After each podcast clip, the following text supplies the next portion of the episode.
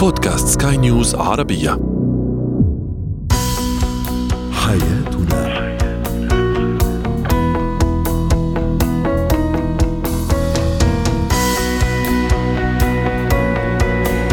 مستمعينا الكرام أهلا بكم معنا إلى حياتنا. فضاءكم اليومي الذي يعنى بشؤون الأسرة وباقي الشؤون الحياتية الأخرى والذي يمكنكم الاستماع إليه عبر منصة سكاي نيوز Arabia dot com slash podcast وباقي منصات سكاي نيوز العربية الأخرى. معي أنا آمال شاب. سنتحدث اليوم عن الزوج الذي يتعرض للضغوطات الكثيرة. كيف نتعامل مع هذا النوع من الأزواج؟ أيضا سنتحدث عن خطورة وسلبيات هز الطفل الرضيع وما يعرف أيضا بمتلازمة هز الطفل الرضيع. وأخيرا آه، سنحاول أن نناقش موضوع القيادة والإدارة. ما الفرق بين الشخصية القيادية أو الشخص القيادي وذلك الإداري أيضا؟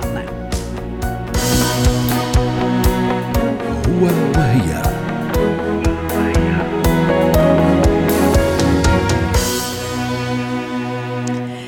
بفضل صعوبات أو نتيجة صعوبات الحياة والعمل والعائلة قد يواجه الزوج أو بعض الأزواج آه، الرجال تحديدا مشاكل عديدة وضغوط نفسية آه، لذا آه، بسبب أشياء كثيرة وأسباب كثيرة قد تكون مادية اقتصادية اجتماعية ضغوط في العمل وما إلى ذلك. والنتيجة شخص أو زوج يرزح تحت ضغط كبير وكم هائل من الضغوطات. كيف نتعامل مع هذا النوع من الأزواج؟ للحديث عن هذا الموضوع.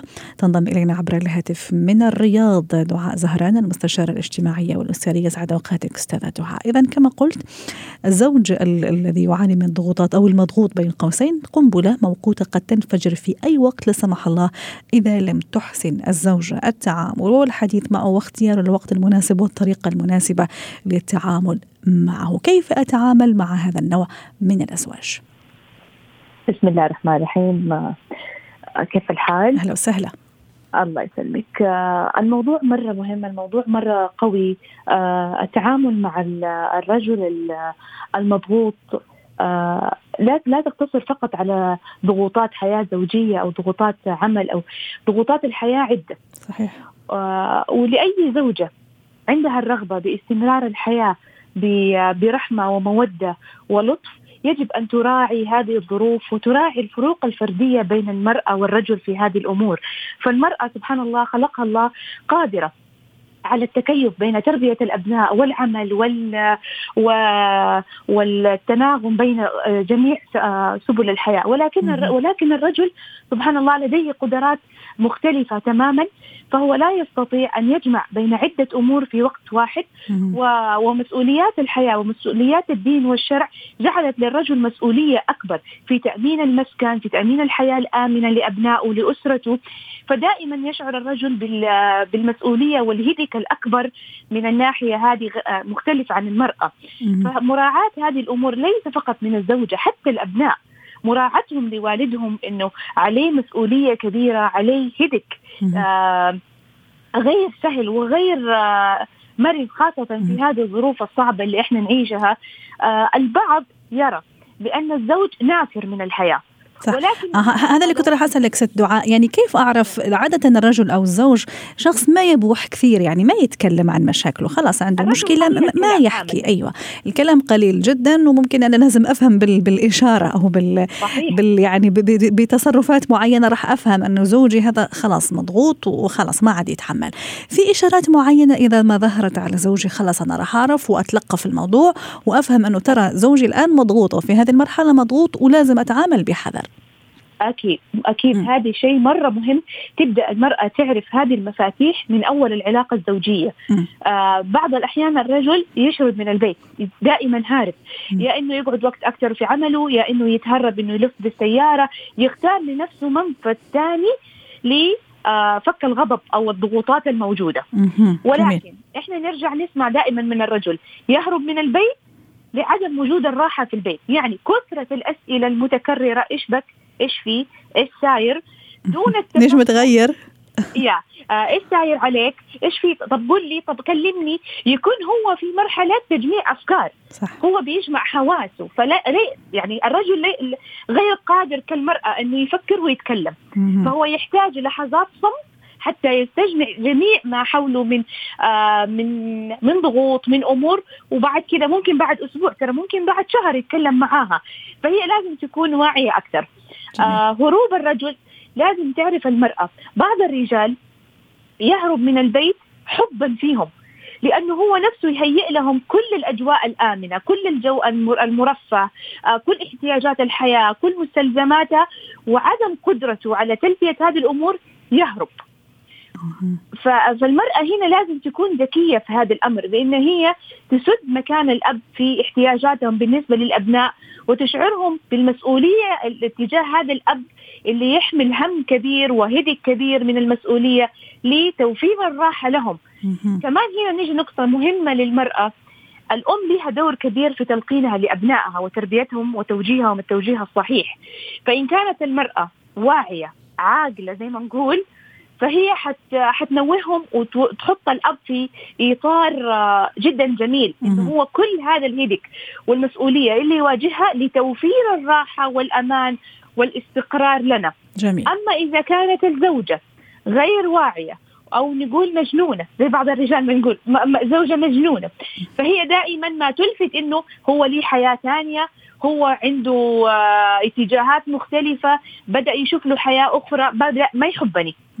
وهنا هي تبدأ نفسيا تعطي نفسها آه، آه، إشارات سلبية بأنه الرجل ابتعد عنها لعدم وجود حب أو أو ترابط بينهم. صحيح. ودخلت نفسها في مشكلة هي في غنى عنها واصلا هذه المشكلة مش مش موجودة يعني بس هي موجودة. هي افتعلت المشكلة. نقطة نقولها ونحاول نركز عليها الحوار الدائم في أوقات المناسبة بين الزوجين يحسس الأطراف جميعها بالأمان.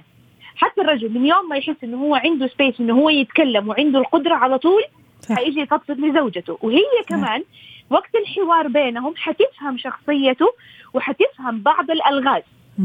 وهو حيعطيها بعض المفاتيح اللي لما تشوفيني كده تعرفي إنه ابتعدي فهي تكون ذكية وتوفر الأمان بطرق سهلة وبسيطة. يعني مثلا شافته مرة معصب وهو يحب الرواق تقوم تجيب له قهوته وتخرج. تجيب له كتاب وتخرج. تدور الطرق المرنة الحلوة اللي تتقرب فيه بدون طرق هو يرفضها. يعني البعض تقول له طب خلينا نجلس نتكلم. لازم تعرفي إنه الرجل في أوقات كثير يبعد عن الكلام. المرأة مجرد تتكلم تتنفس خلاص يروح كل الغضب اللي عندها. لكن سبحان الله الرجل تماما مختلف عن المرأة في هذه النقطة وهي نسبة أكبر من الرجال. ما, ما أعمم ولكن النسبة الأكبر من الرجال يرفض الكلام بكثرة أو الشك التشكي. يعني حتى لما نسمع رجل يتشكى كثير نقول هذه من صفات المرأة. آه فالرجل قليل الكلام قليل الشكوى ولكن يظهر على على على منظره الخارجي على هندامه على أسلوبه نفسيته. فهذا يعكس ما بداخله صحيح. إذا تحدثنا عن مجموعة ربما صفات تحدثنا عن الهروب من المنزل تحدثنا عن أيضا أشرنا ولو ضمنيا العصبية ممكن قد يعصب هذا الزوج المضغوط. يعني ما عنده متنفس آخر أنه يعصب أو خلص ما له خلق يعني ما له ما له رغبة في أنه يتكلم. وأيضا تحدثنا أنه ضرورة تحلي هذا الزوجة بالذكاء العاطفي حتى خلينا نقول بالمهارة متى تتكلم متى تصمت كيف تسأل أيضا آه، سد دعاء أليس كذلك؟ كيف أنا أسأل؟ كيف ألاقي مدخل لهذا الزوج؟ حتى أحاول أني ها يعني آه، أشبك السنارة مثل ما بيقولوا. إذا آه، الزوج مستعد أنه يتكلم أوكي. إذا مش مستعد أنا أرجع أنسحب وأرجع لقواعدي في انتظار أنه الأجواء تكون مهيئة أليس كذلك؟ مناسبة. وبطر... وبطريقة كمان. الطريقة جدا مهمة عند الرجل. يعني الرجل عنده ممكن أنا دائما أسمع عند الحالات اللي تجي يقول أنا ما أبغى لا تأكليني لا تشرديني لا تعملي بس الأسلوب. وصحيح. صحيح. الرجل دائما يبحث عن الأسلوب عن ال... يقول لك أنا متزوج مرأة. يبغى ليونة يبغى رحمة يبغى هدوء يبغى عطف يبغى حنان. حيدلك كل اللي عنده. وحتسمعي حق سنة ثانية قدام. صحيح. بس أهم شيء الأساليب المروضة الصحيحة المناسبة لكل رجل.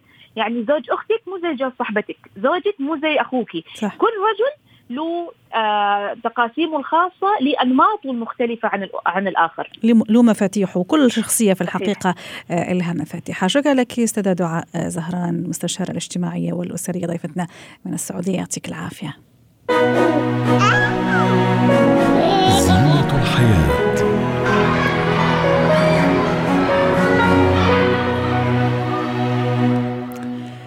اليوم في زينة الحياة نتحدث عن حركة ممكن قد يعني يلجأ لها الكثير من أولياء الأمور خاصة الأمهات يعني لأنه هم أكثر آه، يعني أشخاص يعني آه، تواجدا مع الرضيع في بداية حياته. يتعلق الأمر بهز هذا الرضيع خاصة لما أنا أكون أجهزه للنوم.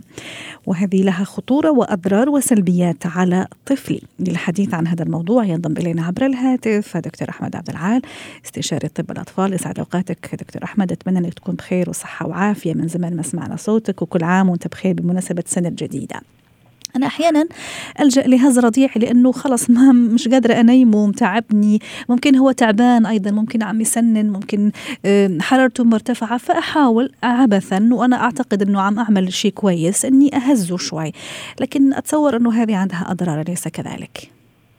آه، تمام كل سنة وأنت طيبة يا امال والسادة المستمعين كلهم بخير وبشكرك على اختيار الموضوع. الموضوع مهم جدا والناس فعلا بتغفل عنه. أه بقول يعني في الأول إن الطفل ده يعني هدية من ربنا وأمانة يجب إن إحنا نحافظ عليها. أه طريقة هز الطفل دي أو متلازمة هز الطفل الرضيع ده دي موضوع معروف طبيا تماما يمكن مش معروف بالنسبة انما معروف طبيا. أضراره لأن الطفل الرضيع بيكون الجمجمة عنده لسه ضعيفة والاوعيه الدموية اللي موجودة جوه المخ بيكون حجم بيكون الرقبة والأربطة بتاعت الرقبة ضعيفة فبالتالي أي هز ليه بصورة غير مناسبة ممكن تعمل مضاعفات خطيرة جدا. يعني ممكن تتسبب مثلا المخ بيصطدم في الجمجمة من الداخل فممكن يحصل تهتك في في الأوعية الدموية أو كدمات أو حتى نزيف. يا الله ومن غير ما أحس أنا دكتور أحمد صح؟ من غير ما ما أنتبه. من غير ما تنتبهي خالص أنت بس هدفك إنك تسكتيه صح. إنما ده قمة الأذية. التمزق في أربطة الرقبة نتيجة الهزة العنيفة دي ممكن تعمل أضرار في الحبل الشوكي والأعصاب. أثناء الهز الأب بيكون أو الأم بتكون ماسكة الطفل سواء من إيده أو من من من صدره ماسكاه جامد وهي بتهزه فده بيعمل له كدمات زيادة. المشكلة في في ال ال كمان العين يعني ممكن الهز ده يعمل زي نزيف في, في العين ويسبب نزيف في الشبكية أو, أو كل الحاجات اللي خاصة بالجهاز العصبي يعني الخلايا التالفة غير مستردة. يعني الخليه اللي تتلف من الخلايا العصبية ما بترجعش تاني. فبتكون أضرار يعني دائمة مش أضرار كمان مؤقته حتى إذا هذا الهز دكتور أحمد لي ثواني معدودات مثلا ثانيتين ثلاثة وبعدين حضرتك وكأنك أشرت إنه في طريقة أخرى أو طريقة صحية للهز ولا هو بشكل عام لا مضر وما لازم ألجأ له في أي حال من الأحوال. هو طبعا لازم يعني أهم حاجة إن إحنا نعرف السبب إيه. يعني م. الطفل هي بتهزه عشان يسكت. صح. لازم نعرف الأول زي ما تفضلت كده في بداية الحلقة الطفل ده بيبكي ليه؟ هل هو عشان مبلول عايز يغير عشان جعان عشان مريض حرارته مرتفعة إيه لبسه تقيل بردان حران. فمعرفة السبب بت بتخلي الحل أسهل بكتير. إيه الطفل أو اي أي إنسان بطبيعة البشر هو الاستجابة للحنان مش للعنف. يعني مجرد إنها تحضن الطفل ده ده كافي جدا بالنسبة له إن هو يسكته لو لو لو لو هو ما عندوش مشكلة. في كمان الكرسي الهزاز. الكراسي الهزازة اللي بتعمل هزة بدرجة خفيفة وبتكون بصورة أه. منتظمة هذا اللي كنت راح أسأل هذا صحي دكتور آه. أحمد ولا لا؟ وزمان إذا تذكر يعني يعني كانوا أيضا في في المهد وتهز يعني تهز المهد أيضا اعتقادا أنه هذا شيء كويس يا ريت أيضا توضح لنا هذا الصورة. طيب ال ال الكرسي الهزاز ده بيكون مصمم على عمر معين ودرجة هزة خفيفة والهزة دي بتكون للجسم بالكامل وبتكون بصورة منتظمة مش بتأثر غير هزة إيدي لما أمسك طفل وراسه تروح في ناحية ورقبته في ناحية.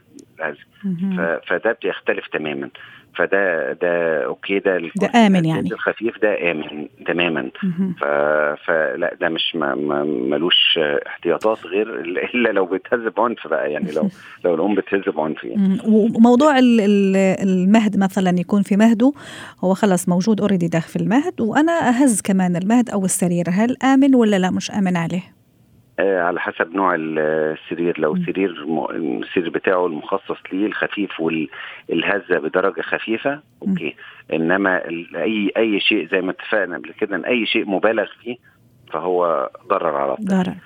طب دكتور أحمد عاوز تقول حاجة؟ تفضل عايز أقول إن إن في طرق تانية لتسكيت الطفل. في حاجة اسمها استخدام الضوضاء أو تشتيت انتباه الطفل. يعني ممكن نفتح له راديو أو موبايل أو حاجة تسكته. ممكن الأم أو الأب ينزل بالطفل الشارع أو في العربية أو يمشي بيه شوية في طرق كتيرة جدا تسكت الطفل غير غير هز الطفل.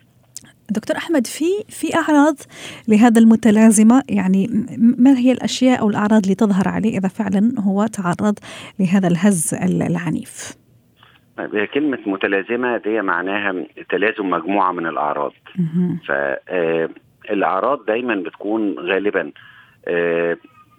مرتبطة بالجهاز العصبي لأن الهز ده تأثيره الأكثر على المخ فممكن يكون في تغيير في درجة الوعي.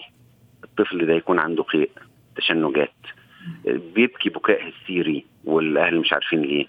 الطفل رافض للرضاعة. عنده شحوب في اللون.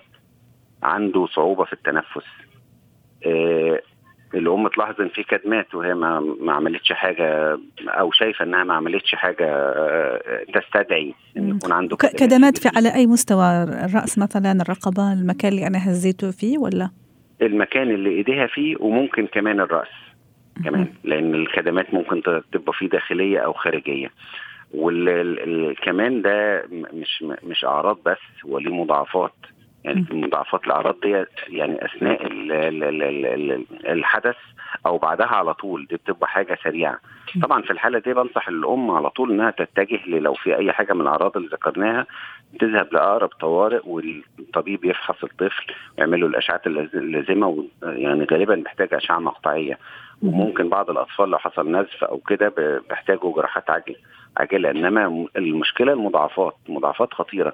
وزي ما قلت لك إن الخلايا العصبية اللي بتتلف ما بترجعش تاني يعني خلايا جسمنا سواء في الجلد أو في أي مكان تاني ممكن يعني تنمو إلا الخلايا العصبية.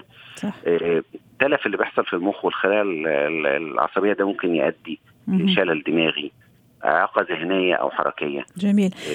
دكتور أحمد وأنت عم تحكي أنا تذكرت كمان يعني صورة من الصور استحضرتها كانوا أيضا يعملوها زمان وحتى الآن يعني إنه نقلب الطفل على بطنه يعني وحنا جالسين ممكن يعني لحظات استراحة أقلبه على بطنه وكمان أرجع أهز فيه يعني أو ممكن كذا أخبط على ظهره خبطات بسيطة. هل هذا أيضا مضر به؟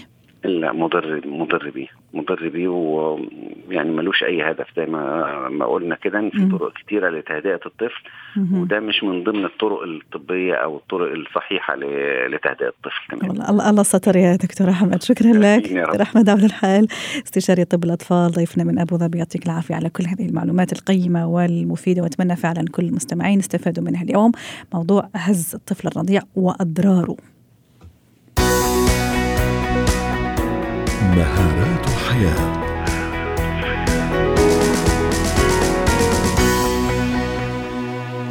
اليوم في مهارات سنتحدث عن القيادة والإدارة. أكيد كون الشخص مدير جيد لا يعني أنه بالضرورة قائد قوي ومهم. ما الفرق بين القيادي والإداري؟ ما الفرق بين أن أكون شخصية قيادية وشخصية إدارية؟ للحديث عن هذا الموضوع تنضم إلينا عبر الهاتف فاتن سلامة مدربة مهارة حياة. سعد أوقاتك أستاذة فاتن. أتمنى أن تكوني بخير. أيضا من زمان ما سمعنا صوتك. آه.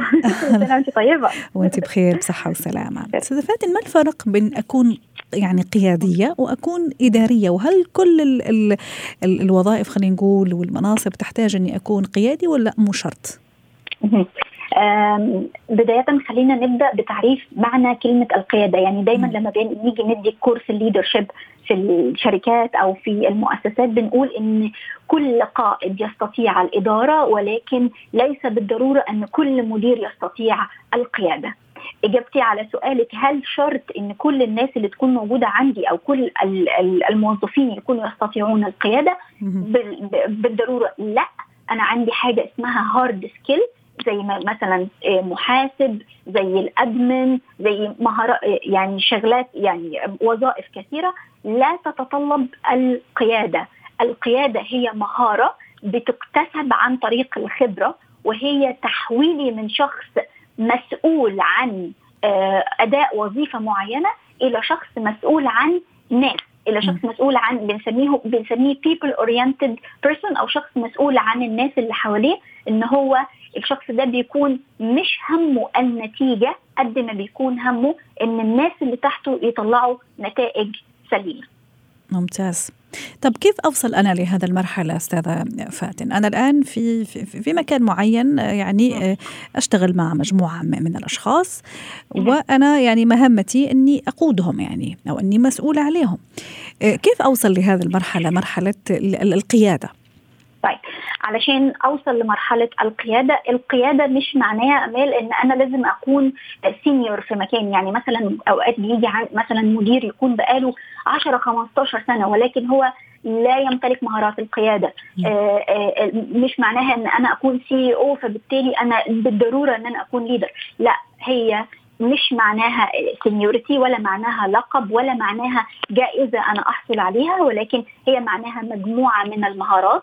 مجموعة من ال tactics أو الطرق اللي بتخليني أنا apply أو إن أنا أطبق طرق معينة في وقت معين. بما فيها مثلا إن أنا أكون عارف مثلا الشركة بتاعتي إيه هي ال vision بتاعت الشركة بتاعتي إيه هي رؤية الشركة بتاعتي إزاي أنا أقدر أستطيع إن أنا أحول الرؤية دي إلى حقيقة.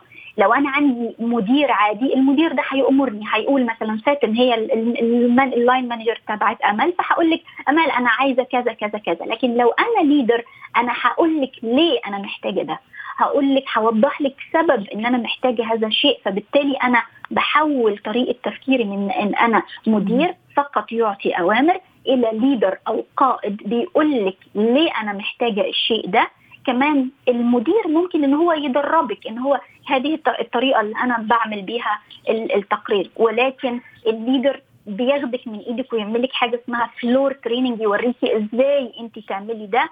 عواقب يعني هو دايما بنقول إن ال leader بي بيحث فريق عمله إن هو يخطئ وبالتالي يتعلم من أخطائه. ولكن ال manager بيكون بيفكر بشكل عقلي اللي هو لأ أنا بالنسبة لي واحد زائد واحد يساوي اثنين فأنا محتاج هذه النتيجة.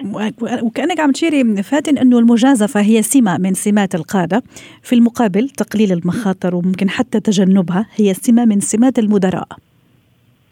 بالضبط بالضبط لأن إحنا دايما بنقول إن المدير هو بيمشي بطريقة systematic بطريقة آه بطريقة يعني إلى حد ما إدارية ولكن القائد هو دائما ما بيكون عنده رؤية. إن أنا مثلا عملت interview للموظف ده فأنا شايف إن أنا هشتغل على على إن أنا آه أطور من الموظف ده على إن أنا بشوف بيكون عندي بعد نظر أكتر كقائد. وحتى دايما في ال course ده بقول لهم تفتكروا ال great leaders اللي هم عندنا في العالم العربي أو في العالم عموما هم مولودين ولا هم عملتهم الظروف؟ فبنلاقي إن الناس دي فعلا بتكون عاملاهم الظروف. الناس دي بتكون عندها الباشن أو عندها الرغبة إن هي من جواها تكون عندها مهارات قيادية علشان تقود الفريق أو إن هي يكون عندها رسالة معينة حابة إن هي توصلها سواء في شركاتها أو في المجتمع عموما. جميل. أيضا فاتن الثقة مقابل التحكم، أقصد هنا الخروج عن المألوف. دائما ما يحتاج إلى ثقة الموظف في قائده ليس كذلك. وبالتالي أنا اللي حابة أوصله أو أوصله أو اوصل له معك انه الإقناع هو من سمات القائد.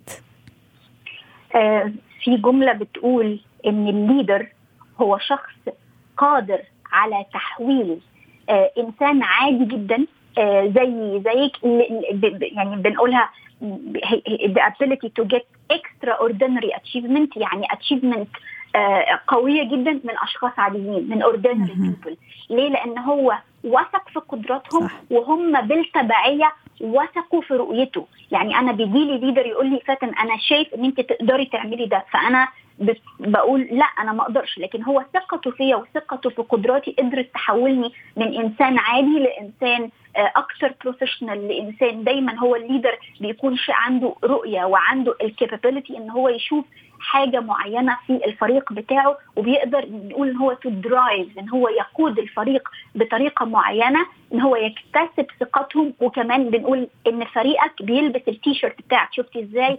لما بنلعب كورة بيلبسوا ال... بنقول بنقول ان هو يعني مصطلح في ال leadership بنقول wearing your shirt يعني انت ك leader خلي الناس اللي تحتك تلبس تي شيرتك أو تلبس القميص بتاعك علشان يكونوا عندهم أكثر ولاء ليك وبيحترموا المجازفة اللي أنت بتجازفها في إن أنت مثلا تاخدهم من النقطة دي للنقطة دي. وحتى أختم أيضا القائد أو القيادي بدل ما يوزع المهام هو يتبنى الأفكار مع الفريق آه، تبعه. شكرا لك فاتن سلمة مدربة مهارة حياة. كنت معنا عبر الهاتف. يعطيك العافية.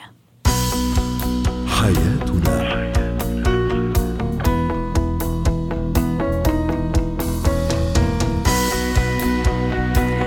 ختام حلقة اليوم من حياتنا. شكرا لكم وإلى اللقاء. حياتنا.